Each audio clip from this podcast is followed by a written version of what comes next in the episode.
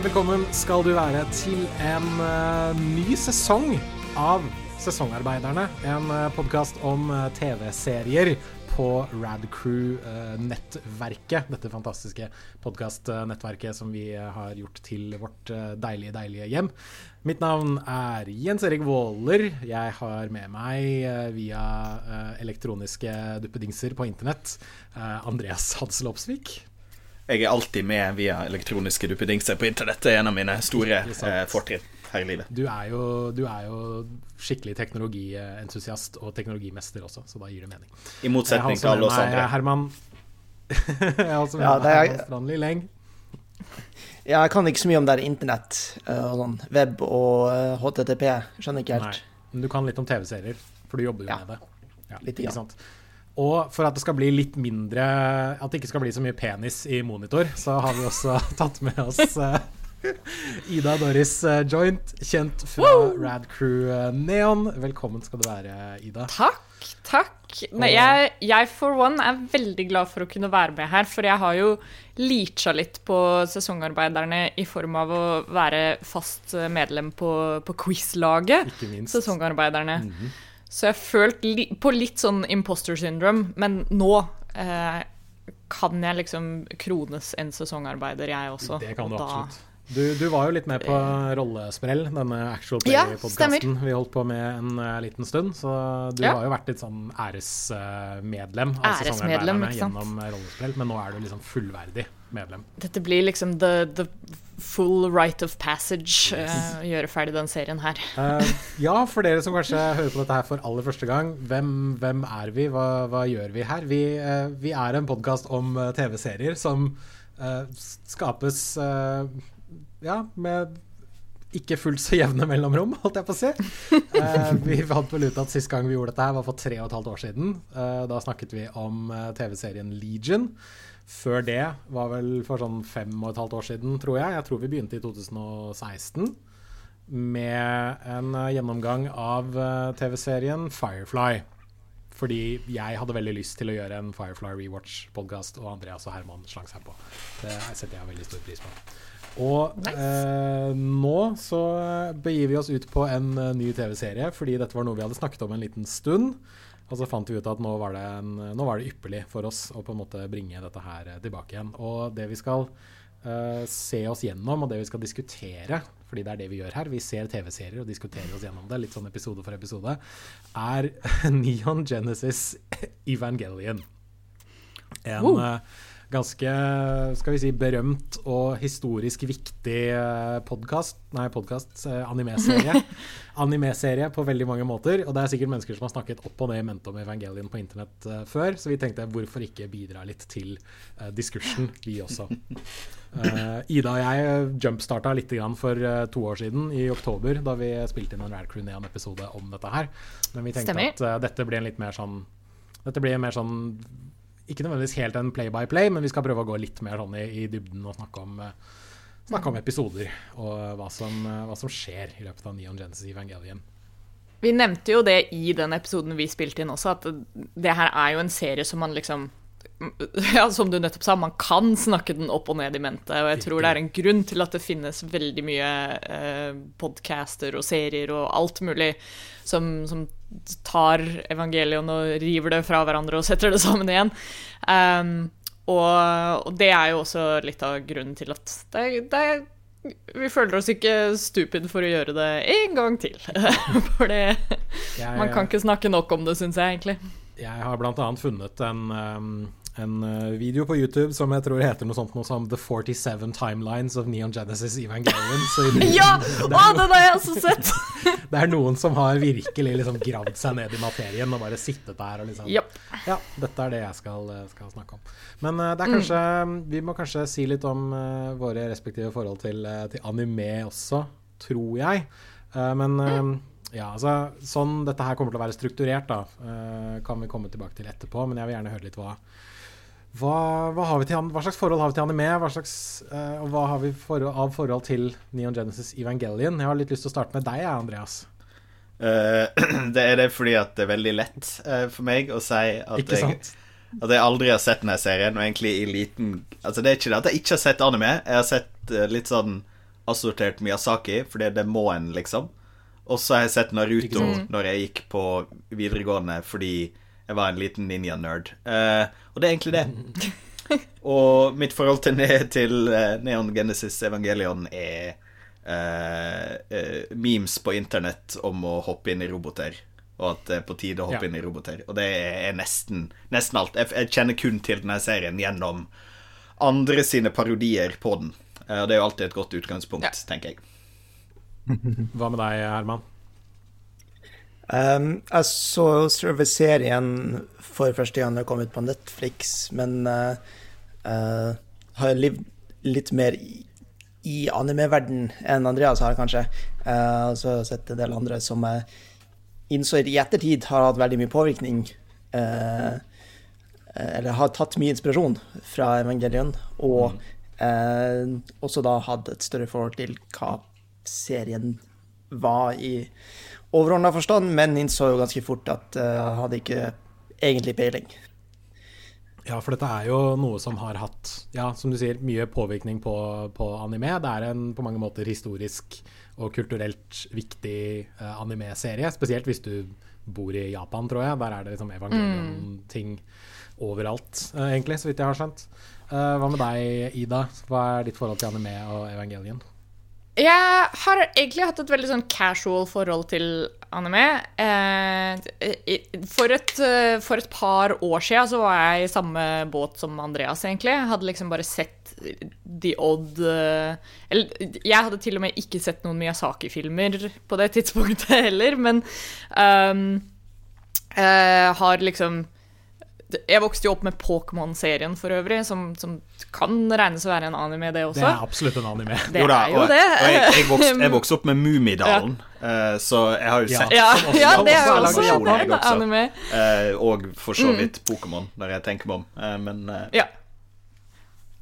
Men så er det sånn nå i, i de siste ja, kanskje sju-åtte åra, så har jeg liksom dyppa tåa mitt litt opp i anime. Skaffa meg en uh, Crunchyroll subscription og sett på litt uh, ymse der. Litt uh, Attack on Titan og Jojo's Bizarre Adventure og og så har jeg sett veldig mye sånne rare småserier.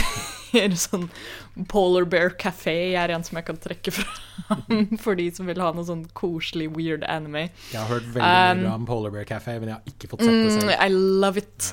Uh, og når det kommer til uh, Evangelion, så uh, Jeg så også det første gang når det nå ble sluppet på Netflix. Det var vel i fjor? Eller forfjor? Um, og det var første gang jeg så det. Men jeg hadde også kjennskap til liksom, den kulturelle viktigheten til, til, denne serien. Og det har vært en serie som liksom har vært på radaren min skikkelig lenge, da. Men så Ja, det, det har jo vært litt vanskelig å få den sett på noe eh, ordentlig lovlig vis frem til den kom på Netflix. Så um, Ja, jeg tror det. Det er litt sånn, sånne, det er sånn bootlegs og type eh, ja. sånn uh, 4-3-videoer på Daily Motion og sånt noe. Du har liksom måttet Ikke sånn VHS-stripper på Daily Motion har du liksom måttet finne ja. fram da, hvis du skal prøve å få sett Neon Genesis Evangelion før det kom på Netflix i 2019. Ikke sant. Mm. Så, altså, så, da fikk jeg endelig sett det, og ble skikkelig positivt overraska.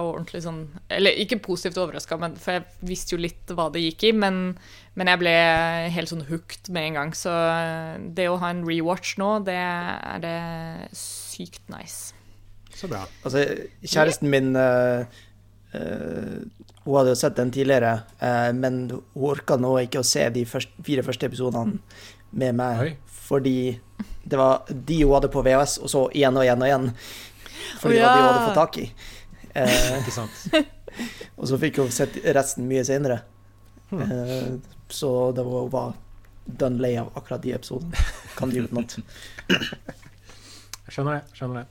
Uh, selv så er jeg vel kanskje litt i samme båt som uh, Herman, tror jeg. jeg uh, men jeg tror kanskje Jeg skal ikke kalle meg noen anime-ekspert, men jeg vet ikke om jeg kanskje er den som har sett mest anime av oss. Hva er det mastergraden din handler om igjen, uh,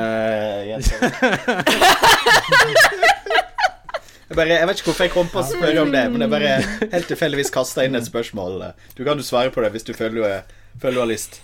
Ja, For de som ikke vet, så har jeg en mastergrad i eh, filmvitenskap og skrev masteroppgave om animeserien Death Note.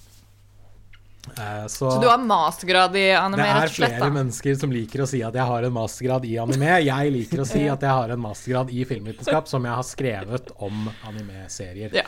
Rett skal være rett. Men sånn er nå det, da. Nei, altså jeg eh, Selvfølgelig, da jeg var yngre, så på Mummidalen, så på Pokémon, Digimon etc., etc. På um, ja, omtrent videregående.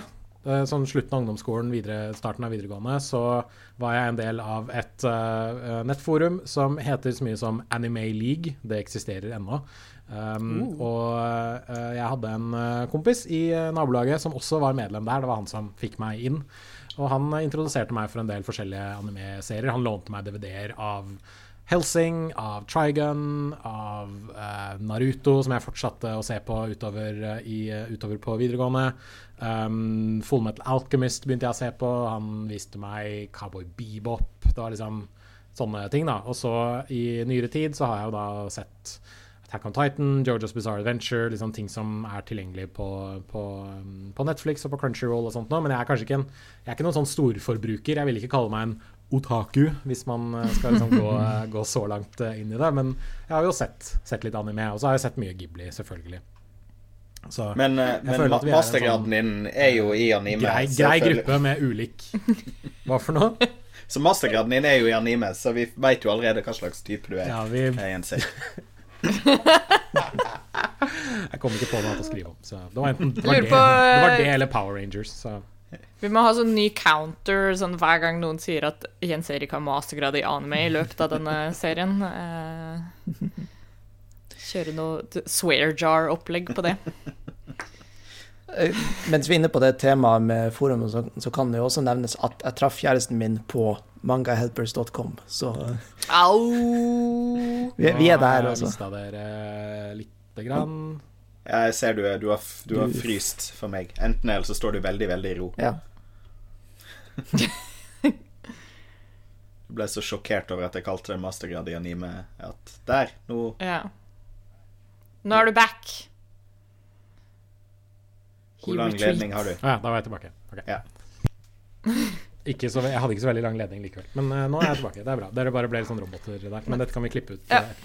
Anyway, Uh, så vi er en uh, gjeng med litt sånn ulik grad av uh, hva skal man kalle det, anime-forståelse og alt mulig sånt. Og det tror jeg er veldig veldig bra når man skal snakke om, snakke om Evangelion. Og, mm. ja, Mm. Men Her- når det er sagt, så er vi jo Her, Hva sa du? Når det er sagt, så er vi jo alle kanskje på likt nivå av bare generell popkulturær interesse. Det stemmer. Så det er jo også noe som kan være bra å, å ta med i, i betraktningen. Herman har til og med noen uh, Gundam-figurer hjemme hos seg, det vet jeg, som han viste Oh, oss eh, før, denne, før vi begynte denne, denne opptaksprosessen. Så.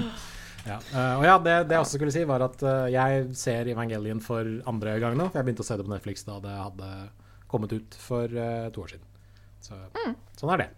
All right. Fett. Ja, Um, det, det, vi mangler kanskje sånn en psykolog og en religionsviter for å sånn ordentlig ta evangeliene fra hverandre, men uh, det kommer vi tilbake til. vi burde Jeg har et halvt semester på universitetet i religionsvitenskap, så Ja, men det går fint. Jeg kan kanskje, kanskje bidra noe. Vi får se. Jeg, jeg, har, jeg har ti studiepoeng i, i eh, menneske-datamaskin-grensesnitt. Eh, jeg føler det kan faktisk være litt relevant her. Det tror jeg kanskje kan bli relevant. Jeg tror faktisk det er faktisk veldig det, det tror jeg vi kan komme tilbake til.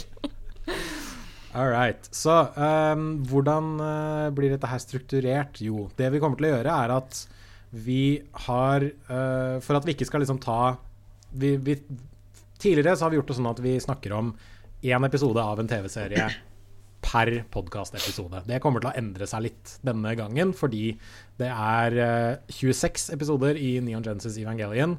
Og vi fant ut at det ble litt eh, mye, bl.a. fordi Andreas har en grunn til at han ikke kan lage podkast de neste 26 eh, ukene. Eh, så har han lov til å si hva det er, Andreas. Ja, eh, det er litt dårlig timing, eh, det innser jeg jo etter hvert, men kanskje. Men eh, det, Ja, du det, dukker opp, det dukker opp en liten Andreas junior eh, juniorette i løpet av sommeren, eh, så vi får prøve å gjøre oss ferdig til den tid. Du, eh, du, skulle tenkt litt på det før du eh, På at denne podkasten kunne gjenoppstå før du valgte å, å, få et yngel. Men sånn eh, er nå virkeligheten vi lever i, og dette må vi bare Det gjør bare at vi får litt ekstra press på oss, så vi får bare deale med det. ja, så det vi, det vi, rett og slett har gjort, er at vi googla litt og fant rett og slett en, en slags ark-inndeling av Evangelion. Så vi skal ta for oss én og én ark per episode. Og disse, disse arkene er delt inn i ca. tre-fire episoder per, uh, per, runde. Så da får vi kutta ned dette her til uh, omtrent jeg vet ikke, syv, åtte, ni episoder eller noe sånt. Kanskje mindre enn det, til og med. Fem-seks. så da blir det litt mer, sånn, litt mer håndterlig, rett og slett. men vi skal da kjøre en liten uh, oppsummering av de episodene vi har uh, sett. Snakke litt om ulike tanker og ting vi har gjort oss mens vi har sett dette her. Og det er også litt, litt, spennende å høre fra Andreas hva han tror kommer til å skje framover, i og med at han ikke har sett denne serien før. Så jeg tror vi kommer til å gjøre en sånn sjekk-in hos Andreas hver episode om liksom, hvor tror du dette går, hva tror du kommer til å skje. For det tror jeg kan være veldig gøy. Og så kan jeg, Ida og Herman sitte her og bare Hm, interessant. Mm, det blir ja. gøy. Very good. Ja. Uh, så det er sånn, uh, sånn, vi kommer til å gjøre dette her. Og før vi, før vi begynner oppsummering, før vi begynner å snakke om uh, hva vi synes, så har jeg litt lyst til å vite fra alle sammen hvordan, hvordan ser dere Evangelion? Altså Alle ser det på Netflix, selvfølgelig, fordi det er der det er tilgjengelig. Men vi må jo selvfølgelig ha samtalen subs v dubs som det så fint heter. Fight! Og uh, det jeg gjorde, var at jeg så de to første episodene i denne prolog-arken på japansk med engelsk undertekst. Og de to uh, resterende så jeg på med engelsk tale og uten undertekst. Bare for å se ja. hvordan, hvordan, dette, hvordan, det ville uh, endre seg fra, fra liksom episode til episode. Og det syns jeg, fungerte, det synes jeg fungerte ganske bra. Hva med, hva med deg, Andreas? Jeg, jeg, har, jeg, har, måte, jeg har selvsagt fått med meg den subs versus dubs-greia uh, fra den tida da YouTube var uregulert, og du kunne se uh, folk sine opplasta Naruto-episoder der. Uh, og jeg husker at jeg allerede jeg, så det da med uh, subs, altså med japanske originalstemmer. Men jeg har en viss mistanke om at grunnen til at jeg gjorde det, var fordi at en eller annen gang jeg hadde funnet en med engelsk tekst, så har jeg en mistanke om at det var en eller annen fansub Nei, fandub. Uh, så jeg har liksom bare latt det gå den veien, og så holder jeg meg i hvert fall inntil nå til uh, japansk originalversjon. Um, og det er jo alltid greit å liksom bli påminnet alle de små um, japanske interjeksjonsorda som dukker opp i alle mulige sånne. Og det er overraskende hvor fort jeg liksom sjøl griper meg i å uh, og liksom si ord som baka og sugoi, selv om det er ganske mange år siden jeg, jeg, jeg gjorde så eh, tilsvarende, tilsvarende serier eh, tidligere. Jeg kan si såpass, det blir mye Shinji Baka uh, framover i Evangelion. Spoilers! Nei, ja. Oh. Uh, hva med deg, Herman? Jeg vet at uh, kjæresten din er ganske, er ganske, streng på at hun foretrekker uh, undertekst framfor Herman blir kasta ut hvis det er noe evangelium så. på engelsk. Det står, det står ja. på, inn, på skilt, dørskiltet til leiligheten til Herman så står det 'This is, this is a sub-household'. og jeg har aldri skjønt hvorfor. no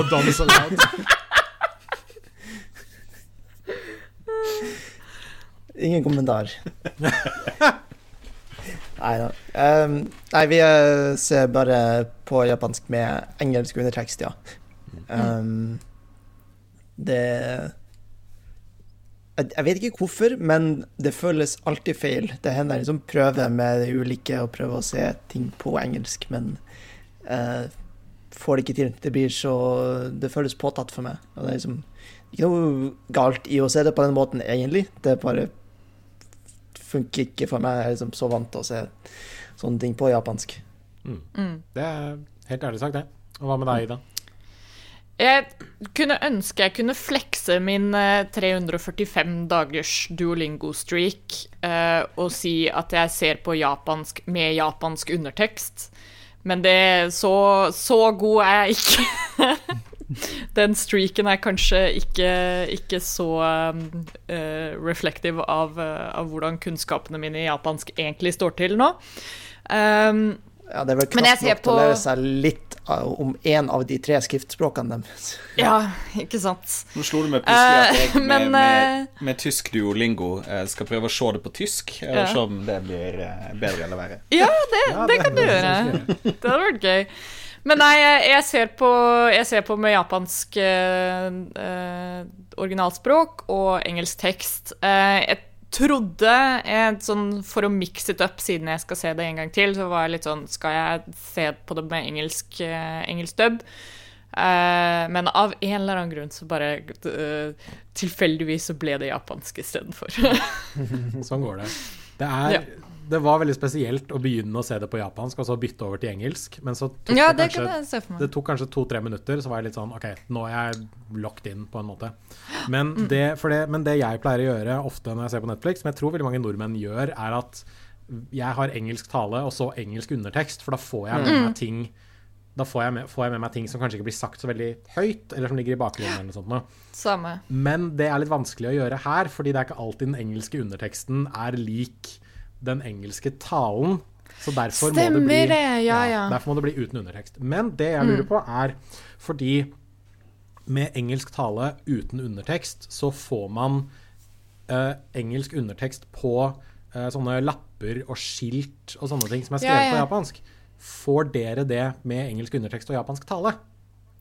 Du får det på noen av de, okay. men det som jeg har merka, og det tror jeg er en eller annen sånn flå som Netflix har generelt, er at title cards eh, blir ikke uh, oversatt på undertekst. Okay. Ikke sant? Og det- det har skjedd i- de, de Ja. sorte eh, kortene med hvit tekst. Eh, Ja. Og hovedkortet for liksom, episodetittelen er jo alltid på engelsk uansett. Mm. Mens da har du de mellomkortene, så står det noe på japansk. Og de er ikke Mm. Ja. oversatt av en eller annen merkelig grunn. Men det, skjer, det har skjedd med meg i engelske filmer også. At hvis det er eh, eh, sånn type hvis, det er, hvis du tar Endgame, for eksempel, da, du- slight spoiler alert, men når det er det title cardet hvor det står 'Five years later' eh, Hvis du ser på Netflix med liksom ehm, Ikke det at Endgame ligger på Netflix for øvrig, men, men hvis du skulle gjort det, så hadde, så hadde det bare vært svart skjerm. Og så står eh, under, underteksten 'Five Years Later' Ja, ja, istedenfor nettopp, at liksom selve title cardet dukker opp. Eh, og vice versa. Noen ganger så kommer bare title cardet, men det står ingenting på underteksten. Så det er litt frustrerende, men jeg tror det er en, bare en sånn Netflix-greie. Det kan godt være. Det vet Mm. jeg ikke. Men da, det, det var interessant og kjekt Mm. å vite. Fordi det er, noe, det er noe jeg får, i hvert fall. Så da får jeg kanskje Ja. en, da får jeg en del av opplevelsen som dere ikke får. Så ha-ha. Ja, haha. Men eh, sånn, eh, første gang jeg så Evangelion, så så jeg det på engelsk med, eh, altså uten undertekst. Og jeg synes stort sett det fungerte uh, veldig bra. Det er eh, noe av disse Noe av liksom den eksposisjonen man får, hvor de liksom forklarer ting og sånt, noe, hvor man må liksom virkelig følge godt med. Fordi man kan ikke sitte og lese en undertekst og liksom få inn informasjonen to ganger. Men uh, stort sett så, så gikk det ganske greit. Men uh, vi kan gå videre og kanskje ta en liten uh, oppsummering av disse fire episodene, som kalles Prologue Arc del 1, eh, ifølge Reddit i hvert fall. Dette er episodene Angel Attack. Det er episoden Unfamiliar Ceilings slash The Beast. Det er episode tre som heter The Silent Phone eller og A Transfer, fordi alle episodene har to episoder av en eller annen grunn. Ja, det, det det, det, er de liksom De, de japanske titlene. eh, direkte oversatt, og de engelske titlene. Nettopp. Og eh, Ah. episode fire er da Rain After Running Away slash The Hedgehog's Dilemma. Så eh, I episode én så møter vi eh, Shinji Ikari, som har blitt rekruttert av sin far Gendo til å eh, bekjempe utenomjordiske vesener kalt eh, engler via en eh, kjemperobot kalt en Ava-unit. Og deretter fortsetter handlingen. I første episode møter vi Shinji, vi møter Gendo, vi møter Misato, som, blir, som jobber for Nerve, som er de som styrer disse kjemperobotene. Vi møter Ritsuko, som er en vitenskapskvinne som jobber for Nerve. Vi møter Ray, som er en av de andre Eva-robotene. Og vi får se Shinji sette seg i roboten for første gang for å bekjempe en, eh, en engel. Uh, episode to så uh, ser vi at Shinji våkner på sykehuset. Og vi ser uh, følgene av kampen mot den første engelen, som vi ennå ikke Og vi har faktisk ikke fått se slåsskampen, den kommer bare i flashbacks i løpet av episode mm. to. Shinji lider av PTSD, han lider av depresjon, han lider av alt mulig rart. Stakkars gutt. Unit 1, som er roboten hans, viser seg å ha et øye og en munn. Det er veldig rart. Og Shinji flytter inn hos Misato. Alt det er i episode to. Og Pen Pen. Og Pen-Pen, som er en, en pingvin. Pen-Pen kan vi komme tilbake til etterpå. Episode tre, The Silent Phone Transfer. Der, vi, der hopper vi framover et par uker. Eh, etter eh, kamp mot den første engelen så får vi se Shinjis hverdag på skolen. Vi møter klassekameratene Toji og Kensuke. Vi blir bedre kjent med dem. Vi blir bedre kjent med Shinji. Og uh, alle settes i fare idet en gigantisk penis angriper uh, Tokyo 3, som er byen de alle bor i. Og Shinji må nok en gang sette seg i roboten for å bekjempe et uh, monster. Så deretter episode fire. Shinji sliter fortsatt med PTSD etter å ha slåss mot englene. Han bestemmer seg for å rømme hjemmefra. Men etter litt introspeksjon og noen samtaler med Kensuke og Toji og Misato, så ombestemmer han seg og bestemmer seg for å dra tilbake og fortsette kampen mot denne eksistensialistiske trusselen mot menneskeheten.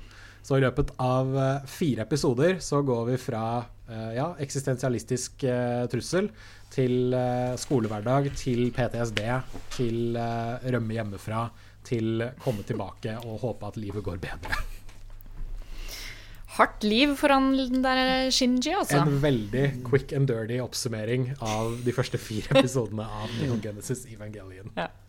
Jeg, jeg, tror vi allerede ser en sånn emblematic effekt av uh, hvor uh, hvor liksom uh, tettpakka anime som medie kan være en gang iblant. Det skjer det går, mye.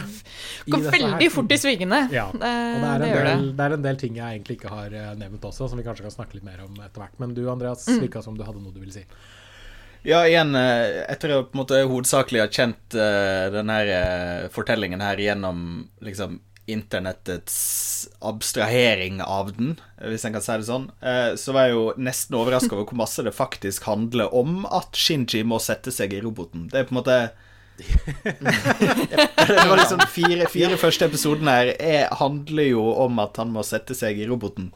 Uh, og det, jeg, jeg veit at det liksom er en vits, og jeg veit at det er en sånn gøy ting som internett sier. Det er litt sånn som mitt forhold til uh, It's Always Sun in Philadelphia, som jeg heller aldri har sett, men som jeg føler liksom jeg kan alle vitsene til.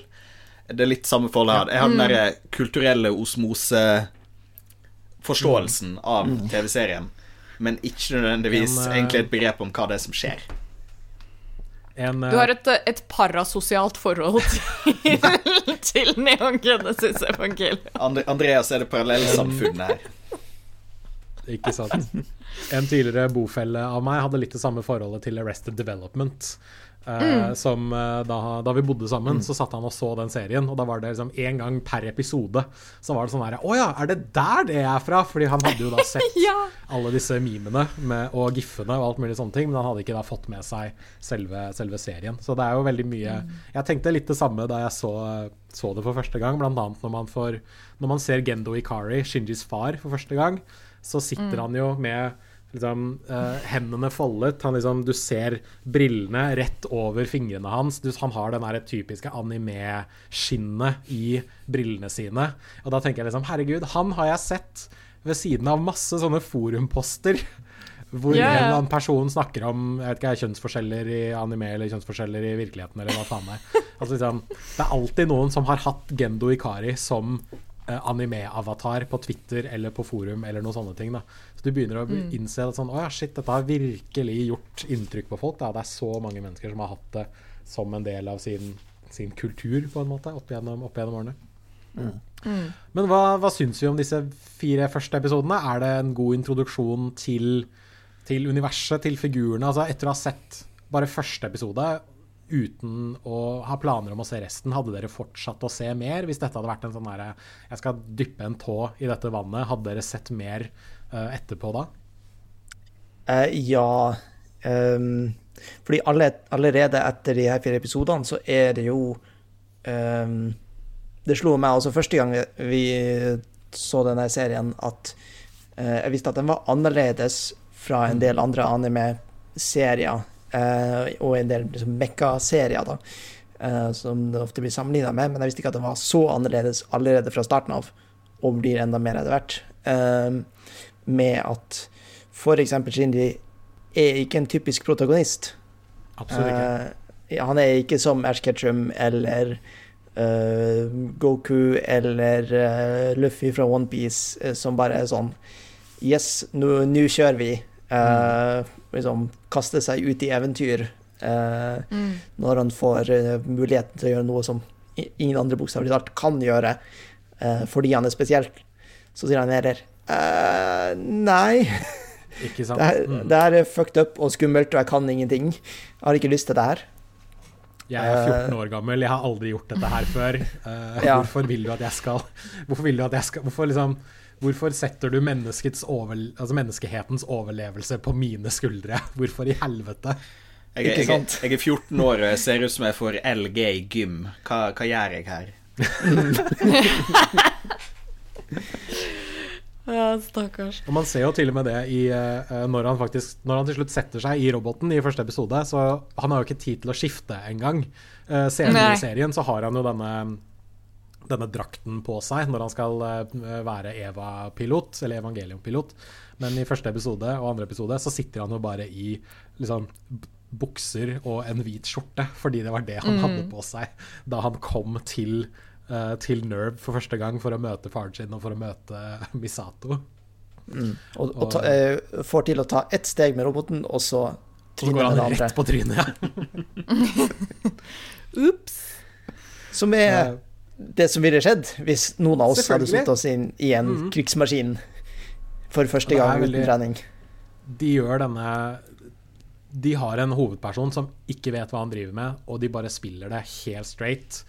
Og samtidig så sier de også at og for, denne, for dette mennesket så ville dette vært helt forferdelig. Det er liksom, dette er den verste tenkelige situasjonen Shinji kan settes i. Og nå skal vi bare se hvordan han reagerer, og hvor han går, går deretter. Og vi ser jo i disse fire første episodene at det går jo ikke veldig bra. For han har jo gjør ikke det, han har så mye bagasje fra før av at bare, liksom, bare du legger alt dette andre greiene på han, så knekker han jo nesten under sin egen vekt. Men jeg syns jo det er en, en ganske kul uh, måte å eh, Å plante noen frø, da, på en måte. Eh, sånn ref om de fire første episodene er bra, eller, eller sånn som du sa, om man har lyst til å fortsette å se på etter bare første episode. Eh, jeg føler måten Shinji er skrevet på, gjør at det det er han som bærer mange av de, eh, de trådene som du har lyst til å plukke opp videre. Eh, Istedenfor en klassisk sånn derre at man setter opp eh, masse sånn derre 'Å, men dette spørsmålet vil du ha besvart', og 'dette vil du ha besvart'. Det, jeg føler andre serier kan være litt sånn for obvious på at det er en pilotepisode, liksom. At det er for mye sånn 'Å, nei, men du har lyst til å se på mer'. Um, mens her så føler jeg det gjøres veldig sånn subtilt, i form av at du, du bonder litt sånn med Shinji og er litt sånn OK, men nå har han bare blitt kasta ut i de greiene her, og vi er på en måte like uvitende som det han er. Eh, og det skaper jo et helt eh, eget sånn bånd mellom seer og hovedkarakter som, som funker kjempebra. Det, Og det er jo sånn som vi har vært inne på også, det med at Shinji reagerer på samme måte som, som veldig mange av oss andre ville gjort. At det er ikke den samme sånn power-fantasien som man kanskje får fra andre, andre serier. Da. At det, er ikke, det blir ikke escapism på samme måte. Fordi det, det, og det gjør at det treffer så utrolig hardt. Da. Det er jo det som er kanskje en av grunnene til Shinji er jo en karakter som blir diskutert opp og ned i mente. Folk hater han, folk elsker han. Og jeg tror mye av grunnen til liksom, den negative feedbacken er rett og slett det at folk kjenner seg så godt igjen i, i Shinji, og at det blir en karakter som du ikke er sånn Du kan ikke være sånn 'Å, jeg har så lyst til å være som denne karakteren'. Han blir ikke et forbilde eller et idol lenger. Han blir en gjenspeiling av de tingene du ikke liker med deg sjøl. du hater Shinji fordi du hater deg selv.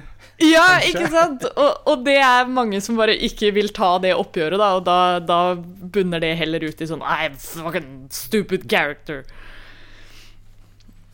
Jeg, jeg, jeg, satt og tenkte skyte inn, Ja. ja, jeg satt og tenkte at uh, når jeg så det at, altså Litt som du var inne på, det er en god del her som kunne ha blitt spilt med humor på. Altså Det er veldig lett å putte inn liksom noe sånn eh, Noe sånn eh, gags eller slapstick av at han tryner med roboten. Jeg tenker det er en god del andre mm. serier som fort mm. kunne ha gjort det. Og, og, og litt som, ja. som, Ida sier jo at på en måte jeg tror òg det er en god del andre historier Kanskje mer nå, da. Kanskje mer nå i 2021 enn i 1994-95. Uh, eh, at en god del serier som hadde begynt med på en måte et sånt uh, Et framoverblikk der du ser noen i full kontroll av en sånn robot for å vise hva, hva vi sikter mot. Men her får vi på en måte aldri det. Vi ser at det er en stor robot som åpenbart er mektig. Men vi får på en måte aldri mm. den her sånn uh, starte Eh, med en kul scene der roboten slåss mot en av de her englene, og så på en måte en sånn flashback, eller, og så starte serien etter på en måte det forward. Flash forward. Mm. Mm. Vi har fortsatt ikke sett Rey eh, gjøre noe. Ja. Mm. Eh, vi har sett henne liksom, gjøres klar veldig mye, men uh, hun har ikke ja. vært ute i, i, den roboten eller uh, sin egen. Ja, uh, og det leste jeg faktisk at det var egentlig planen å gjøre sånn som Andreas sa, å, å vise henne in action, men at det går galt, sånn at hun blir skada, som del av første episode. Men så endte det opp med å vri om på det og kutte det, og det er jeg egentlig veldig glad for. At de har løst det sånn som de gjør det, fordi det blir Ja. Det, det blir mer personlig, og det blir mindre sånn oppsatt. Uh, Shinjis reise blir også vår reise framover, mm. på en måte. Og jeg tror det er veldig interessant å liksom sette Shinji opp i kontrast mot Kensuke, fordi i episode fire så når Shinji eh, prøver å rømme hjemmefra, så møter han Kens Kensuke ute, i, eh, ute bare på en sånn eh, Det er et stort jorde hvor Kensuke leker mm. krig med seg selv. Hvor han spiller alle rollene. Som er sånn Det er veldig, veldig forfriskende å se et barn i denne byen bare liksom oppføre seg som et barn. Ikke sant? Mm. Sånn 14-åringer skal oppføre ja, ikke sant?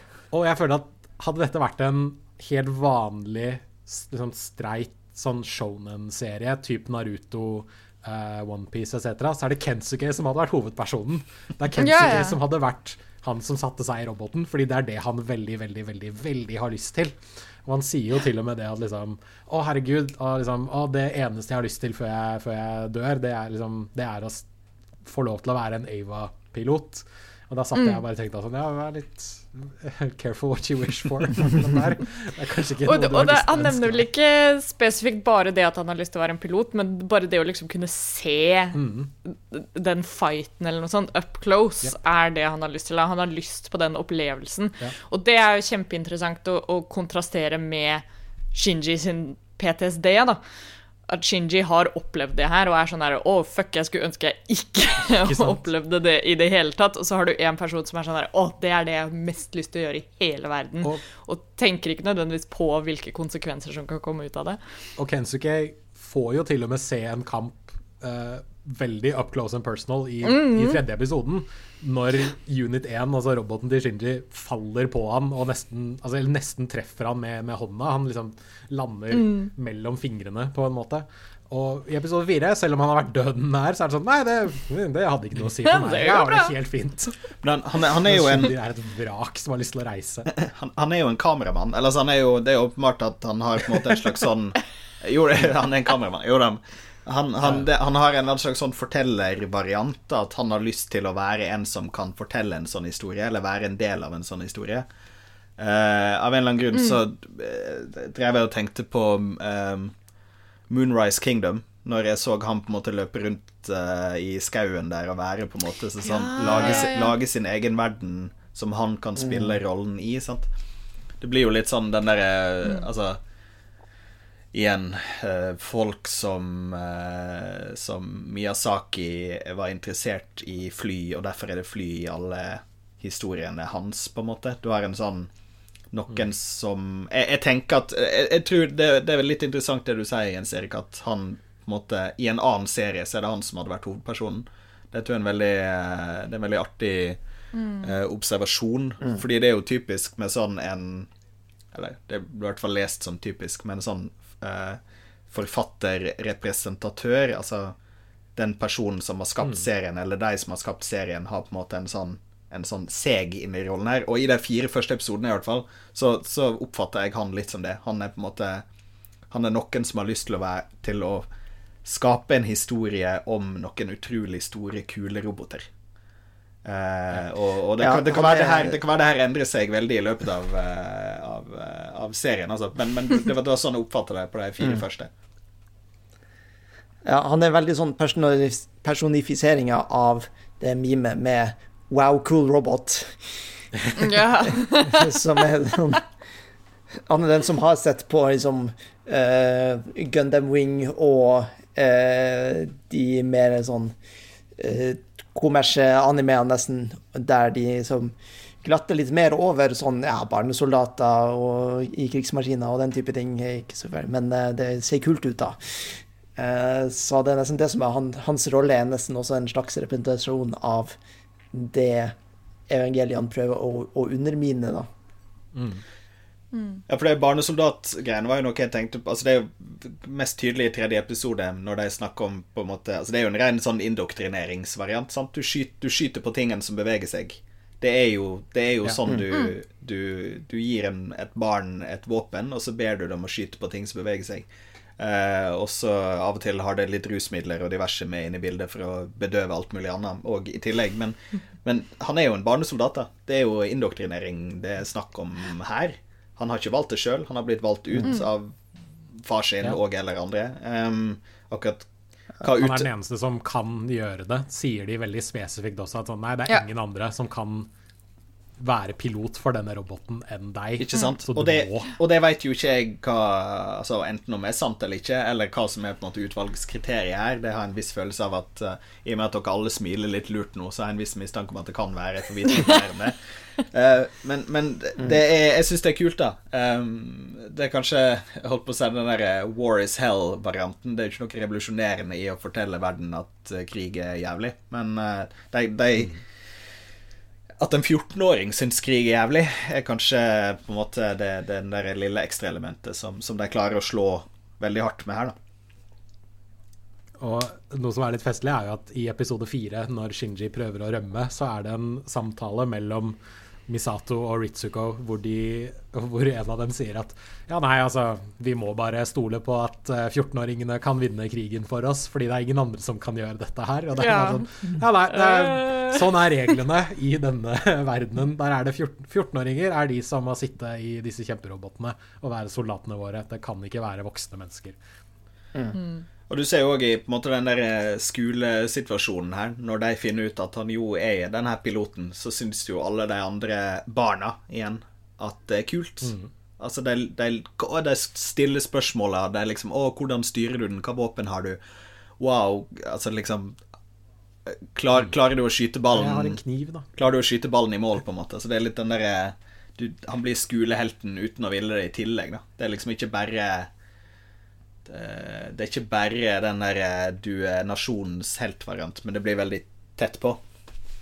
Um, Mm. Han, er, han, blir, de- han blir high school quarterbacken, liksom. på en måte. Og Misato prøver jo til og med å forsterke det inntrykket av at liksom, ja, nei, du, du sliter med disse tingene, men du er jo også en helt. Hun sier det på slutten av episode fire, at folk kommer til å takke deg for at du bekjemper disse monstrene. Men vi ser jo også at i episode tre så har jo søsteren til Toji havnet på sykehus fordi hun ble knust av noe eh, jeg vet ikke om det var noen kampesteiner eller hva det var, under den første kampen vi ser i episode to. Så vi får jo liksom både Han får liksom Det blir en sånn tofrontskrig da, hvor han blir konfrontert både av det faktum at de tingene han gjør i roboten, har konsekvenser, både positivt og negativt. For liksom, ja, du er med å redde menneskeheten, men det er ofte små vesener liksom det er, Folk tar skade av dette her da, hvis de ikke klarer å, å rømme skikkelig. Og så har du jo også oppå det igjen den konflikten med at eh, Mye av motivasjonen til at han havner i roboten in the first place, er jo at han ser at Ray er helt sånn destroyed hun blir av sånn å ha Rulla inn på en båre, og de bare sånn Nei, bare Ja, ja, bare sånn. Ja, ja, hvis Shinji ikke gjør det, så får vi sende inn hun Kan her, da. Ray så gjøre er det hun? Nei, hun er ikke død ennå, så da går det fint. Ja, ja. Så han får jo sånn herre Han blir basically guilt-trippa inn i roboten. Ikke sant? Uh, og, det, og, det, og det kommer jo tilbake til han flere ganger, at han trøster seg sjøl litt med at sånn herre OK, greit, men jeg, jeg kan putte meg sjøl til side for, for å sørge for at liksom Ray ikke må gjennom det her, da. Og, og at det ligger en slags sånn styrke i det, eller at han kanskje prøver å lure seg sjøl litt til at ja, ja, men jeg klarer å håndtere det bedre. Uh, og, Og alle de voksne voksne blir- rundt han bygger opp det. Ikke sant? ja, ikke sant? Og, men der blir det også sånn der ekstra interessant i slutten av episode fire, når da Misato konfronterer han med at sånn Ja, men hvis du ikke vil pilote roboten, da, da har du ikke noe her å gjøre, eller da må du liksom Da får du, da får du ha det så godt, liksom. um, og det skaper jo bare enda Altså, det er bare endeløse sånne konflikter da, som, som kommer Shinji sin vei, som uh, Som jeg, jeg syns er håndtert så utrolig bra at eh, de konfliktene føles veldig sånn ekte ut, og det blir ikke sånn påtatt. Og det kjennes heller ikke ut som at det er sånn der, å, nå kommer det enda en ting han må bekymre seg for, fordi det gir veldig mye mening sånn i hvordan Shinji sin syke funker, da. Eh, og det er et veldig interessant sånn historiefortellingsgrep, syns jeg. At det konstant Du blir, som seer blir også konfrontert med sånn herre OK, ja, men han bør jo gå i roboten fordi Se på Ray, stakkars. Og så er det sånn Å ja, men se hva som skjer med Shinji når han går i roboten. Det bør han ha det sånn, liksom. Ja. Ja, og det her har jeg lyst til å, å zoome litt spesifikt inn på episode fire, fordi den er også, også veldig annerledes fra de andre tre. eh, med at den er så uh, stille og så ensom, uh, med at han bare eh, går rundt og eksistere. De bare sitter på toget, eller eh, ja, eh, vandrer ut i det jordet, eller uh, får en sånn psykologisk freak-out på ett punkt, bare ut av ingenting. Og det er også igjen sånn veldig sånn illustrativt på, på depresjon og sånn, da, men veldig godt laga. Jeg tror jeg, jeg tror jeg skrev i notatene mine Dette er veldig Midnight Cowboy før sexarbeidet, skrev jeg bare. ja, eventuelt kanskje litt Taxi Driver. At han, liksom, han bare vandrer rundt ja. og er for seg selv og ser andre mennesker uh, ja, være sammen. Fordi han mener jo selv at han ikke, ikke er et godt menneske. Han kan ikke få venner fordi ja, Hvorfor kan han ikke få venner? Nei, han har egentlig bare bestemt seg for at han fortjener ikke å ha venner, for han har alltid vært, så, han har alltid vært alene i løpet av livet sitt. Liksom, det er så mye Han har så mye negativ grums i hodet som bare trykker han ned hele tiden. Det, det er nesten som eh, en sånn slags sånn fransk nybølgefilm, liksom tegna på samme måte, med de sånn skikkelig lange Ja. tagningene av folk som bare sitter der og, og tenker og ikke gjør noe. Og de lange tagningene tvinger deg sjøl til å reflektere over OK, hva foregår egentlig i hodet hans, fordi vi får ikke noe annen informasjon. Eh, Og dette er jo også og- noe vi ser senere i serien også, hvor det er noen, Ja. noen steder hvor bare kameraet står bom stille. Alt vi ser Yes. er to figurer som eksisterer i et rom. Kanskje de beveger litt på seg, men de sier ikke så veldig mye. Man må egentlig bare sitte der og skal jeg si, marinere litt i det øyeblikket man har foran seg.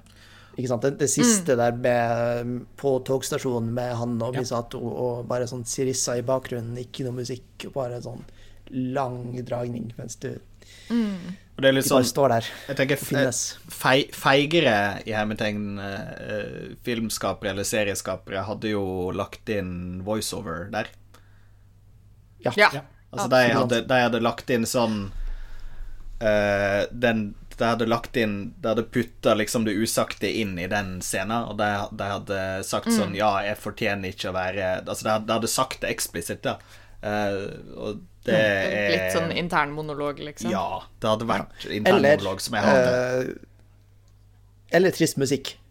ja, sant. Ja. Ja, ja Men for det det er er, også, bare det er også et grep at de, som du da nevnte i den eh, scenen ved togstasjonen, at du hører ikke noe musikk der.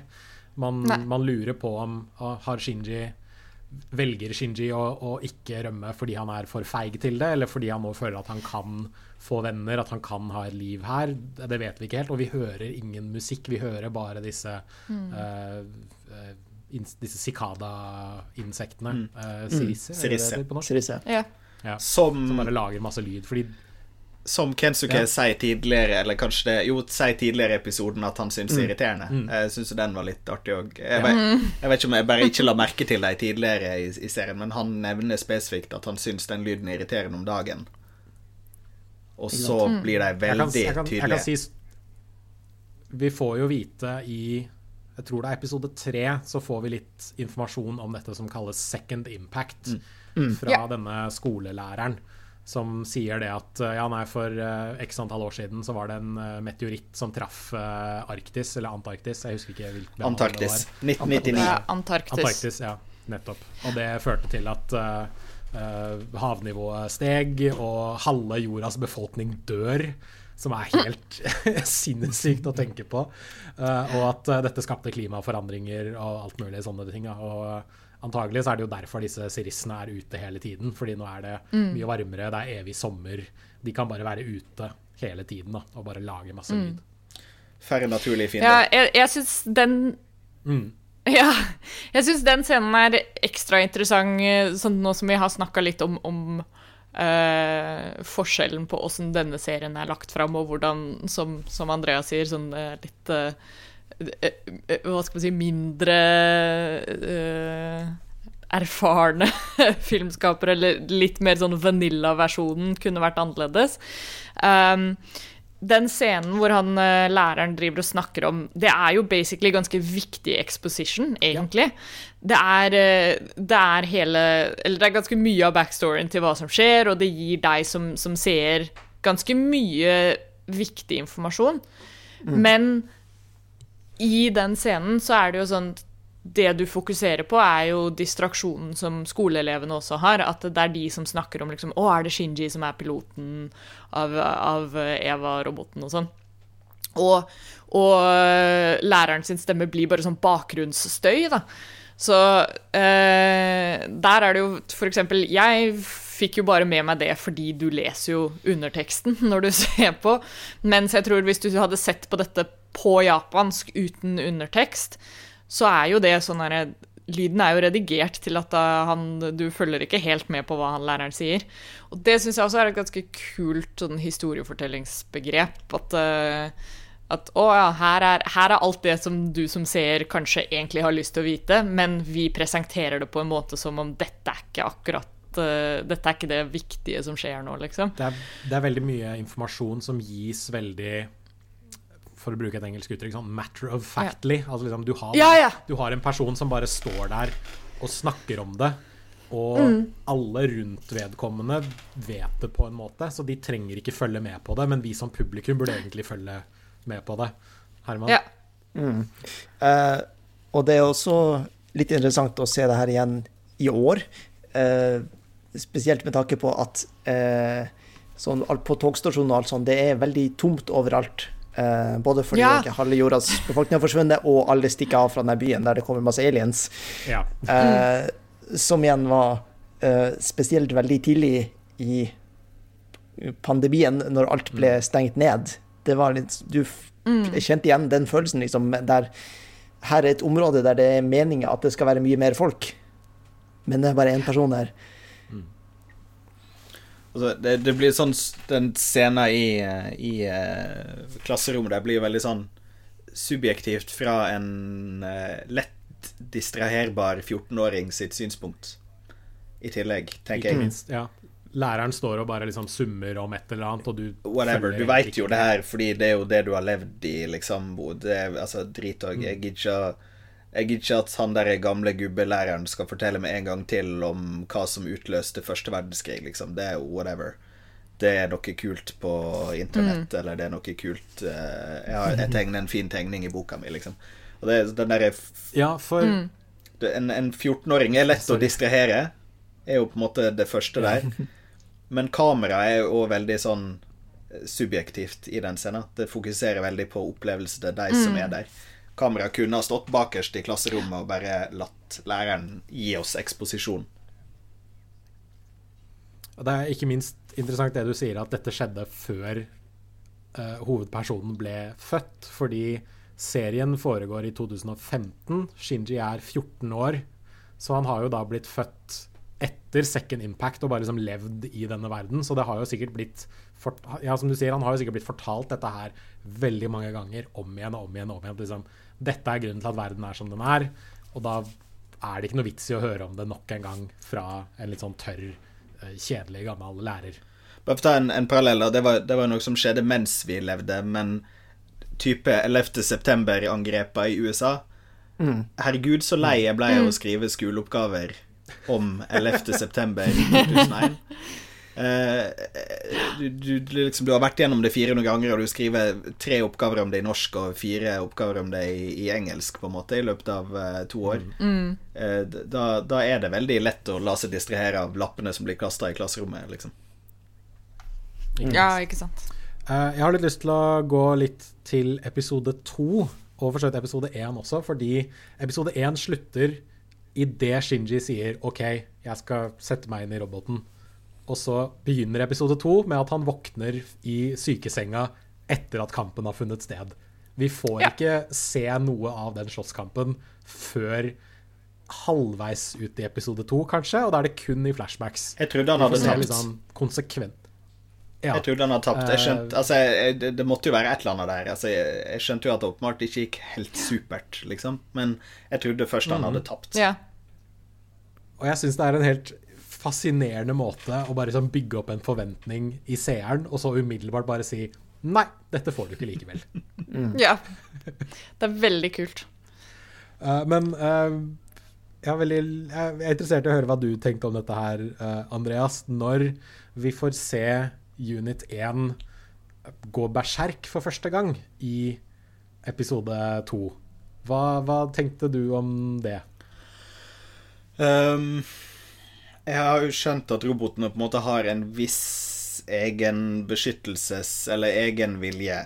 Det, det veit vi jo i en eller annen formening. Um, helt hvor langt det strekker seg, det veit jeg jo ikke ennå, men vi så jo på en måte hånda gå opp for å beskytte Shinji i første episode, på et tidspunkt. Mm. Uh, og i hvert fall sånn i løpet av uh, Det er vel i episode tre så får du den her biten med at den, måte, den, kan, den, kan, klare seg så og så lenge på, på energien den, den, har iboende, eller som er, som er iboende i seg. Eh, mm. Og jeg, jeg, skjønner jo at det er et eller annet her Etter de kutter Etter de kutter the umbilical cord. Ja. ja. Navleka navlekabelen. Den strømførende navlestrengen. Navlekabelen, som det er vel en eller annen grunn har kalt det. Ikke navlestrengen, men navlekabelen. Um, og det, det, baker jo litt inn i Jeg har jo en, en eh, formening som, som, kongen av diktanalyse at hele den TV-serien her handler om morsfigurer. Eh, det er jo på en måte i hvert fall min eh, sånn agenda hittil. Det å samle alt jeg kan finne som peker til at det her er, handler om, om mødre. Veldig lett for meg som har en gravid kone i øyeblikket, f.eks. Men jeg er veldig interessert i å høre hvilke, ja. hvilke mødretegn du fant i liksom disse første episodene. Fordi det er jo Kensuke sier det jo ganske eksplisitt at 'jeg har ingen mor'. Jeg er som deg, Shinji. Mm. Og vi får mm. vel kanskje Altså, vi vet jo at Shinji har et komplisert forhold til sin far, men i løpet av de første par episodene så får vi ikke høre så mye om moren hans. Altså, han får et par surrogatmødre i Ritsuko og Misato som prøver å påvirke ham på, på ulike måter, men episode fire sier veldig eksplisitt at Shinji har ingen mor, og Kensuke har ingen mor. Det er litt interessant. Uh, mm. og if, altså, jeg, jeg har skrevet ned allerede etter første episode Er roboten en morsfigur. Uh, vi snakker rett og slett om en hovedperson som ikke ønsker å gå tilbake inn i den store roboten uh, der, som har en navlestreng, som vi etter hvert har funnet ut men som også har Hva, er den eneste veska vi noensinne bor i som der vi kan, kan likevel kan puste og ta opp uh, oksygen og leve helt fint? Jo, det er inni, uh, inni mm. mors mage. Som, som, lukter litt blod også, eller smaker som blod, når uh, Shinji for første gang er en del av det. Og jeg tror jo Deilig. til og med Var det den, den derre um, den derre pluggen som går inn ja. i um, ja, ja. De snakker om the umbilical bridge på et tidspunkt. Uh, Den der eh, pilotpluggen som man sitter inni, den går liksom inn i en slags sånn ryggmarg. Det er noe sånn penetrativ penet, Den, den ser også mm. litt tampongaktig ut. Ja! Den ser ut som en Ja. tampong! Unnskyld.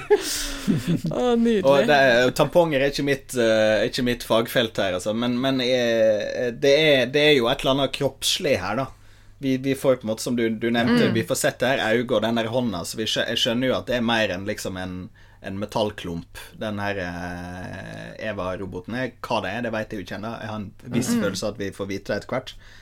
Men jo, eh, morsfigurer, du var inne på det. Han får på en måte et par sånn eh, Noen som får et eh, morsinstinkt foran. Eh, I Misato som, som på en måte lar han komme og bo hos seg uoppfordra, og nesten ved tvang, vil en jo si. Um, så jeg, jeg vil Det er det, liksom begrepet jeg får veldig tydelig i, i hodet etter de første, første episodene her, er et sånt visst fokus og et jag etter Altså både en slags jakt på mødre, eller i hvert fall at verden har en interesse av at Shinji skal finne en morsfigur. Historien har en interesse av det. Eller eh, Men også det at han Og det er jo en, en sånn psykologisk eh, Nå har jeg glemt hva begrepet men det er jo en sånn psykologisk greie det at en ikke, ønsker, en ikke ønsker å returnere til sin mors mage. En ønsker ikke å returnere til et rede eller til, til på en måte heimen, eller kall det hva en vil. Um, så det, på en måte, det, det, det var det første som, som låste seg inn hos meg, som ikke har sett eh, resten av serien.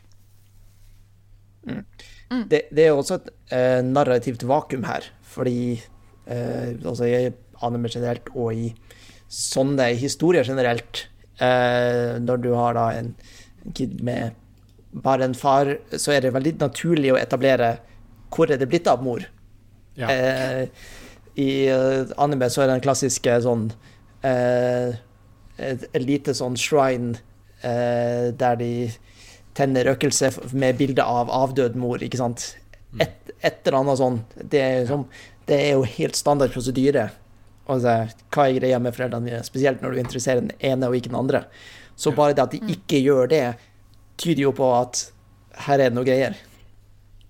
Eh, det bør jo også nevnes at eh, Hideaki Anno, skaper av Neon Genesis Evangelion, var relativt inspirert av uh, freudiansk uh, psykoanalyse da han Ja. eh, lagde Oh, lord. denne serien. Og nå driver Andreas og danser litt på, på denne diskoen. Jeg, jeg, jeg, visste, jeg visste ikke, jeg visste ikke akkurat det, men det, det ante meg. Det er nok en Det er nok uh... Altså, tredje episode I tredje episode blir Tokyo 3, denne byen alt foregår i, angrepet av noe som ser ut som en svær fallos, hvis man ser Ja. det ovenifra. Så det er liksom Det er, det er mye penis og liksom kroppssymbolikk her. Ja, jeg, Mye jeg sånn tror eh, psykoseksualitet og sånt. Ikke Det er uh, Altså, det, den, ja, den, den, Anno ene, har eh, den ene tingen som den her uh, ryggvirvelproppen, eller hva det er for noe, uh, ligner på, kan en jo selvsagt si er en, en eh, tampong. Den andre tingen uh, som en eh, liten, aktiv, hvit eh, sylinder kan, kan ligne på i, i på en måte abstrahert, eh, er jo en sædcelle. Um, så det er jo nok Ja, ja. Det er nok her eh, det er, ikke bare, det er ikke bare den skitne hjernen min som liksom eh, Som eh, analyserer alt som puling her, altså. Det, er lover. Nei. Her er sigarene ikke sigarer. Ja. Ja, jeg tror eh, det, det blir også veldig tydelig etter hvert, men eh, Ando har eh, eh, tilsvarende liksom eh, Ja, de kanskje 20 poengene i psykologi, og, og kanskje tror han har en eh, mastergrad. ja. Både i religionsvitenskap og i eh, psykoanalyse, vil jeg si. Ja. Ja, for det, altså, den, andre, den andre tingen vi ikke har snakka om, som er det veldig mye av her, er jo nettopp eh, religiøse symboler, eller religiøs tematikk. Altså, vi har engler, liksom bokstavelig talt engler, eh, sendebud fra et eller annet. Og den, den klassiske engelen som et søtt barn eller et menneske med, med liksom eh, fuglevinger, er jo, er jo en seinere oppfinnelse. Det er på en måte det som blir beskrevet av engler i, i Bibelen og lignende, er jo ting vi, ting vi i en hvilken som helst sammenheng ville ha beskrevet som et monster, ikke sant? Vi snakker Og liksom her er det definitivt uh, monstre som dukker opp som ikke ser menneskelig ut i det hele tatt. sant? Hvis en av dere englene hadde sagt uh, 'vær ikke redd' i, uh, i, i TV-serien Neon Genesis Evangelion, hadde du da ikke blitt redd? Eller er det bare det at du ikke skjønner språket dens? Vi veit jo ikke om de prøver å si 'vær ikke redd' heller. Eh, hvis jeg har kommet med en u, u, u, uforvarende spoiler nå, så, så veit jeg ikke helt. altså. Men, men vi, vi, vi, vi snakker jo på en måte helt tydelig et uh, Altså, de kalles engler fordi de kommer til jorda som et eller annet. Hva har sendt dem, er jo en, en tydelig variant, og i en symbolikkversjon så kan en jo peke på Gud, selvsagt. Eh, Jeg har ikke noen studiepoeng i religionsvitenskap. Jeg syns bare det er gøy med diktanalyse, som, som jeg har sagt tidligere.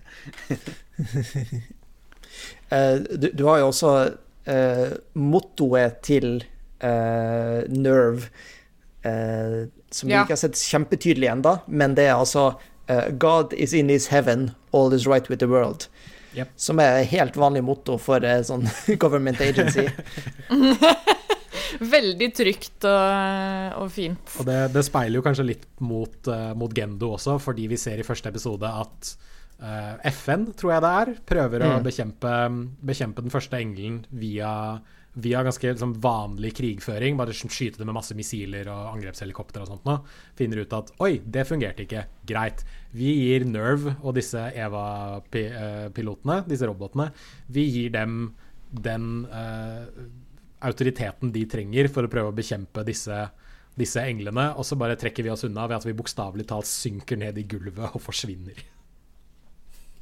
Som er den, som er den tåpeligste måten Det skrev jeg i notatene mine òg. Herregud, for en dum måte å liksom skjule en by på. Bare den der Ja, for, for Tokyo, Tokyo 3 eh, sitter, på, sitter på noen hengsler og sånt nå, og synker ned i bakken når, eh, når eh, englene angriper. Og det, det ser veldig kult ut når de animerer det, fordi det er masse ting som liksom klam, klemper seg som fester seg på bygningene og sånn drar dem ned, og det er liksom mye ting som spretter opp og ned og sånt. Jeg syns det er dritfett. Men eh, ja, det er kanskje ikke den mest effektive måten å skjule en by på, men det ser veldig kult ut. Jeg sier er ikke at det ikke konsept, ser det er kult det. ut, men jeg prøver bare å se for meg Jeg prøver bare å se for meg det rommet jeg sitter i nå, fullt av hyller og ting på hyllene. Hvis plutselig rommet mitt skulle ha blitt slukt ned i bakken i den høyblokka jeg sitter i, eh, med en, en relativt rask fart, eh, og bare se for meg liksom alle gangene i løpet av ei uke jeg hadde måttet rydde når på en måte englenes sendebud, eh, Guds sendebud, eh, kommer til jorda. Um, det, men men estetisk er det noe dere vil trekke fram eh, estetisk, eh, som jo har sett den her før? Jeg syns det er mye kult fordi jeg er fan av på en måte, Jeg syns det er gøy med store roboter og liksom Det her mm. datagrensesnittene og alt sånt. Eh, Er det noe estetisk som dere, Å, de er dere vil trekke fram? Jeg vil trekke frem Eh, det du nettopp sa. er Sånn, alt, alt av teknologien og sånn er helt amazing. Og det er jo uh, ref, sånn som vi har nevnt uh, helt innledningsvis, det, sånn, det kulturelle impactet som uh, Evangelion har hatt. Da. Uh, veldig mye av det stammer jo fra design og estetikk. Uh, at det er uh, basically alle liksom sånne cool robot eh, aesthetics kan, kan traces tilbake til dette. Og særlig sånn god, sånn crunchy sånn anime-teknologi. Og det er så utrolig kult, den derre litt sånn derre retro-future-looken på det. Uh, jeg, jeg bare digger det.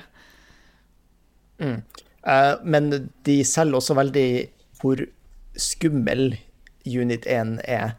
Eh, Ja. Spesielt i første episode, når de liksom kommer opp langs uh, de her rulletrappene og sånn, og bare ser en svær hann i bakgrunnen, og så kommer du opp og står foran uh, ansiktet deres med liksom de bare lysende øynene. Og det, det, det her er liksom ikke uh, ikke en normal ting. Og så blir det jo mye verre når den begynner å bli berserk og eh, har biologiske ting inni seg og den type ting. Eh, men også alt bare sånn måten Holdninga den har, og måten den beveger seg på, det er noe uh, ubehagelig med den. Og det, det er også ganske kult.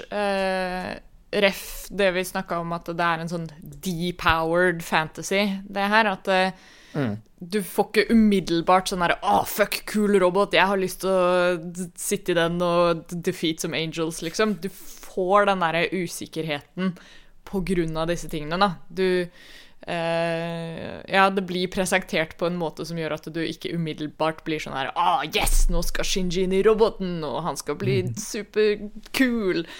Uh, fordi det er et eller annet som eh, Ja, men det er liksom et eller annet under overflaten, og det kommer liksom stadig vekk flere sånne ting, sånn som dette med det øyet i, i episode to, og at du Uh, ja, og, og det at den går berserk og sånt for øvrig òg. Det er jo sånn som når du som seer ser på det, er du sånn Å, men vent litt, der skal jeg ikke skal jeg ikke heie på roboten, liksom? De har jo snakka så mye om at uh, dette er the savior of humanity, liksom, og dette er vårt, uh, vårt siste håp.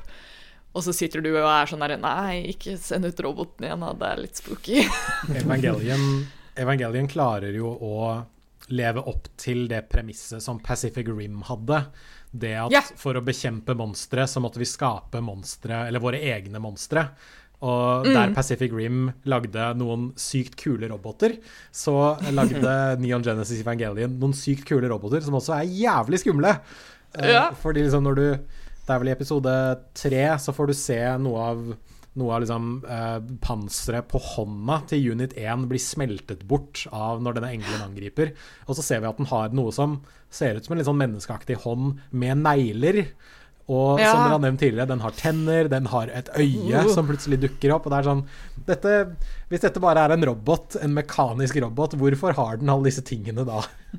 Egentlig. Vi, Hvorfor vi, er dette får, skapt vi får også se eh, et lite klipp av Unit Zero, uh, som står frosset med eh, og Etter å ha slått til en vegg eh, og nesten knust gjennom den veggen. Mm. Så er det sånn OK, hva skjedde her? Det er, Det ganske, bra. det er ganske tydelig at det er mer som ligger under overflaten enn det vi umiddelbart får se i de første par episodene. Og det, det syns jeg var veldig spennende, i hvert fall, da jeg så, så denne serien for første gang.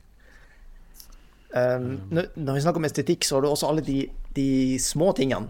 Eh, Ikke bare liksom eh, robot og eh, bygninger og sånn, men uh, bare den her Walkman til Shinji, hvor mye detalj de har lagt inn i den, og liksom nærbilder av den, og eh, ja, hele Misato sin rotete leilighet, eh, hvor nøyaktig de har vært med å vise akkurat hvor rotete det er, og at det bare er ølbokser der og, og den type ting. Det er som eh, Ja, de, de skjønner at det er viktig for å liksom bygge opp verden for å, og for å reflektere de her karakterene.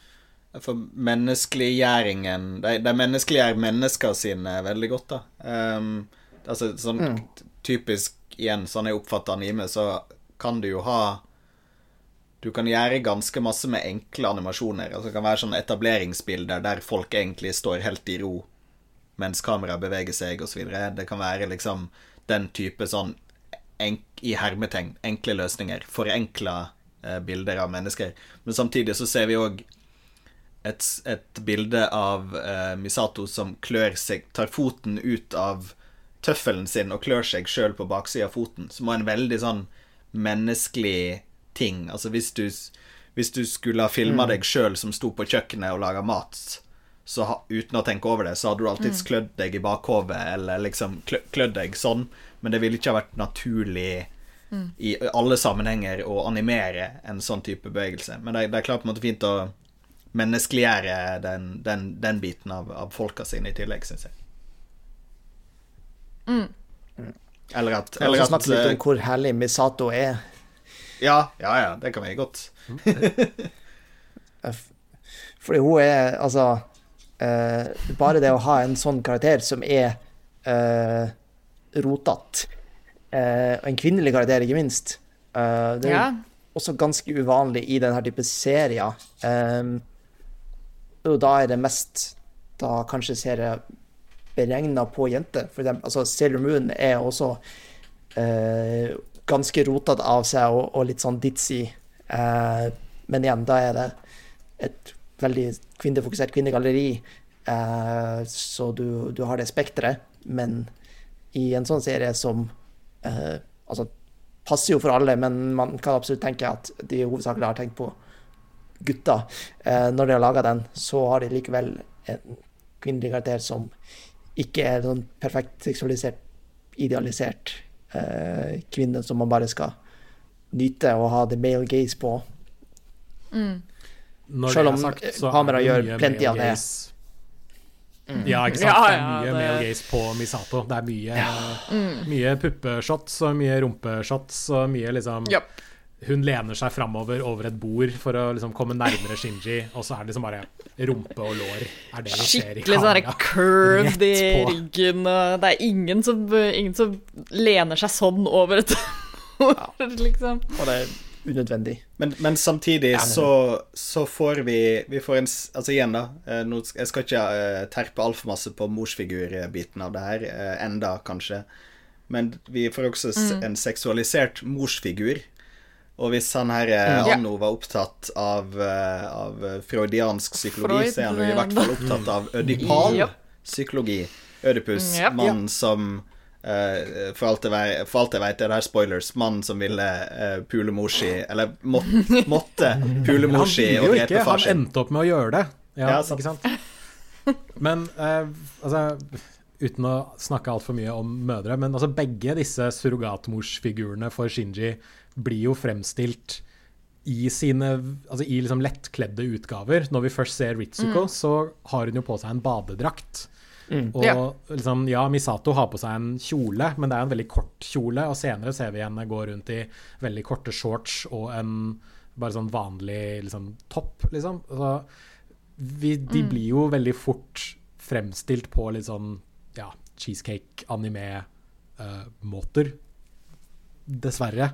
Men det virker jo som Shinji ikke har så veldig seksuell interesse av Misato, i hvert fall. Fordi mm. liksom, Toji og Kensuke, mm. når de møter Misato, det de øyeblikkelig begynner å snakke om, er liksom hvor Å, de syns hun er så pen, og hun er så heit, og de, de, har så lyst til å bo med henne fordi herregud, så sexy hun er, osv. Og, så videre, og Shinji bare trekker litt på skuldrene og er litt sånn Å ja, er hun, er hun, er hun pen? Det visste jeg ikke. Fordi, og det er liksom spørsmålet om han bare er for deprimert til å legge merke til sånne ting, eller om han liksom ser han henne på en annen måte. Liksom, hva, hva, er greia? Han har litt andre ting å tenke på nå om dagen. Ja, det har han jo absolutt. så, så, han er ikke your average 14 year old, liksom. Nei. Og det, men, det viser jo også litt hvordan det, det er jo da litt sånn ja. uh, Da blir det jo litt mismatch med å tenke at uh, all den seksualisering kameraet gjør av henne, er en overføring av liksom, hans ødipalske ja, det, er for, det er for seeren. Mm. Jeg tror absolutt det er for seerens skyld, ja. ikke nødvendigvis for Shinjis skyld. For jeg tror kanskje hun prøver å liksom smøre på litt uh, og være litt sånn peppy og kanskje litt flørtete mot Shinji, før hun kanskje innser at dette var muligens feil mm. feil tilnærmingsmåte, fordi han ser ikke ut til å reagere noe særlig på det. OK, da prøver jeg noe annet. Så, et, altså, ja. Kroneksempelet på at et kamera ikke reflekterer Shinji, er jo den der scenen hvor Misato er i badekaret. Mm, mm. Uh, Shinji er jo ikke i den scenen, men vi får allikevel noen ganske gratuitous uh, shots der. Samtidig så får vi jo senere se uh, rumpa til Shinji. Og den fantastiske spøken hvor han står naken foran en ja, ølboks som blir løftet opp, og, og, bak ølboksen er det en mindre ølboks som dekker over penisen hans. det er en sånn fantastisk ja. gøy. Men, men, det er også da sånn klassisk uh, Han blir ikke seksualisert, hun blir det. Han, det ja. som, hvis, hvis, han er naken, så er det morsomt. Ja. Ikke sant. Ikke sant. Og, uh, da, og den ene Da møter han en pingvin på badet. For eksempel. Og den eneste personen igjen da som vi har sett med en kamera i denne serien, er jo Kensuke. Som mm. vi blir introdusert med at han bokstavelig talt uh, holder Han holder et romskip foran og filmer og syns det er kult. Um, så ja, igjen, det er et eller annet der med, med blikket til Kensuke som blikket i serien, som jeg, jeg syns er, er, morsomt å tenke på. Mm. Mm. Absolutt. Og det blir mer av eh, Kensuke og kameraet hans i uh, framtidige episoder. Og jeg skal ikke si så veldig mye mer om uh, hva det innebærer. Um, er, det, er det noe mer vi har lyst til å nevne før vi uh, kanskje begynner å uh, Ikke pakke snippvesken akkurat, men bare si oss, si oss ferdig med disse fire episodene. Jeg føler at vi har snakket mye om det nå. Ja. Eh, bare, bare, en fun fact, siden jeg sammenligna Misato med Sailor Moon, så er det også da samme stemmeskuespiller på japansk. Det er det, ja. Ah, det er interessant. Det er veldig interessant. Så ja, kanskje det er litt inspirasjon hentet der. Hvem vet. Mm. Uh, jeg så noen på, på, Twitter da Evangelion hadde kommet ut, sa at uh, Misato levde som en ekte millennial. Uh, fordi hun ja. gjorde ikke så veldig mye annet enn å jobbe, drikke øl og sove. Uh, Kjenner meg ikke. veldig godt igjen til henne, altså. Det må jeg si. Og alt hun spiser, er sånne uh, mikromiddager som du Trashy i, på 30 sekunder, og så bare spiser du det. Yes. Oh, absolute hero. no. Jeg, vil bare, jeg, jeg skrev ned en vits i notatene mine som liksom det siste punktet Det siste punktet etter episode fire. Og det er. Shinji doesn't even get in the fucking train uh, på slutten der. Um, så han har på en måte Det er en veldig sånn gjennomgripende greie med at han ikke ønsker å sette seg inn i diverse trans uh, mekaniske transportmiddel. Uh, det, det ja. var, var, forventningen min i begynnelsen, så for min del så, så føles det veldig riktig at han ikke satte seg inn i toget. Mm. Det er bra. And on that bombshell Men det, Andreas, nei, eh, jeg er jo nysgjerrig på uh, hvor tenker du at det her bærer videre? Um, jeg har jo på følelse av at uh, vi kommer til å uh, peive innom litt uh, Kanskje transhumanisme, eller gå enda dypere i transhumanisme-biten av det her. Altså der er forholdet mellom teknologi og menneske. ikke minst fordi vi mm. igjen har sett at der Eva-unitene har et eller annet organisk under seg. Uh, men ellers så er jeg faktisk veldig, veldig usikker. Det var, det var mer Det var mer liksom high school-greier her enn det jeg trodde det kom til å være, for eksempel. Mm. Uh, det, var, det var kanskje mer Jeg tror nok jeg hadde forventa Sjøl liksom det, det lille jeg hadde lest på forhånd, det var nok mer her uh, av det mellommenneskelige enn hva jeg hadde forventa. Jeg visste det kom til å gå på depresjon og, og på en måte psykisk, mental helse og sånn, men det, det, var, det, var, mer liksom Mer mennesker og mindre roboter eh, enn, det jeg, eh, enn, det jeg, hadde trodd. Eh, så jeg, jeg, er litt er veldig... usikker, skal jeg være helt ærlig, hva det jeg eh, har i vente her.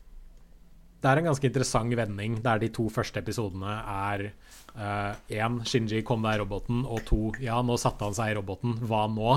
Uh, episode tre ja. er Nå skal du på skolen. Og episode fire er Nei, jeg har lyst til å rømme. OK, jeg drar tilbake. Det er liksom i løpet av Det løper en veldig sånn Det, det går liksom over hele spektrumet da, i løpet av disse fire første episodene. Ja, jeg, jeg tenkte at Hadde den vært lagd nå, så hadde det kanskje vært en timeslange episoder, og så hadde det vært peisa litt annerledes. Uh, jeg vet ikke om det der halvtimesbegrepet uh, er liksom så innlåst uh, at, at det men, men, det er et eller annet Misforstå meg rett her. Det er et eller annet 90-tallsk uh, med den der 22-23 minutts lange mm. episoden også. Absolutt. absolutt. Mm. Det er eh, på mange måter et produkt av sin tid, og på mange måter litt forut for sin tid også, med tanke på mm. ting, som, eh, ting, som, kom i ettertid. Uh, men uh, jeg tror kanskje vi kan slå en uh, strek der for de første fire episodene av Neon Genesis Evangelion. Og den første episoden av er dette, sesong, dette blir sesong tre av Sesongarbeiderne. We're back, baby! Det tok oss bare tre og et halvt år å komme oss tilbake. David Lynch, eat your heart out. Og en uh, fot... Yes. Tre, ja. tre, tre, og et halvt år og en Photoshop av uh, Jostein Hakestad som Gendo Ikari, som sier uh, Ida Andreas, Jens Erik og Herman, kom dere i den helvetes roboten. Så nå de, Ja, vi skal holde litt på de kommende seks og ukene. Um, hva det nå Vi burde endre den photoshopen egentlig til å si Herman, Ida, Jens Erik, Andreas I need you to get in the fucking studio. Ja, men er det, er det studio når vi sitter i våre egne stuer slash er soverom slash kontor, respektivt? Get in the er discord. Ikke sant? Um, men ja, eh, håper du som har uh, hørt på, uh, synes dette har vært eh, interessant. Eh, gi oss gjerne tilbakemelding på eh, Facebook-siden vår eksisterer vel fortsatt. Facebook.com slash sesongarbeiderne. Uh, Twitteren vår tror jeg også eksisterer. Er det at sesongarbeid? Yes. Yes. Fordi de har en begrensning Og, eh, på antall karakterer. Nettopp. Og vi kommer selvfølgelig også til å legge ut dette her på uh, Rad Crew sin Facebook-side. Fordi eh, det tror jeg er eh, lurt for å få, få litt mer er lytt. Så hvis du syns dette har vært interessant, gi oss gjerne en tilbakemelding på hva du vil høre mer av og mer om. Og så skal vi da kjøre Er det fire episoder til i eh, Nå må jeg sjekke disse. Tre episoder til i neste, neste ark. Tre episoder til. Det er eh, episode Så- fem, seks og syv, ja. Yes. Det blir uh, prologue ark.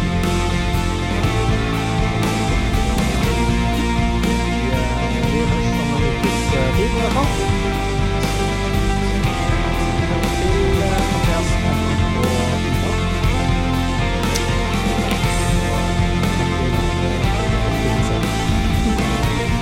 at jeg burde avsluttet med et eller annet visdomsord. Bare klarer ikke helt å komme på det vi, vi, kan ta, vi kan ta et sitat. God's in his heaven. in his all is heaven. right. All is right in the world. Eller skal vi ta et sitat ifra Vi kan ta et sitat fra fjerde episode. 'Baller er irrelevant'. Det er dagens visdom. Og der tror jeg vi sier takk for oss.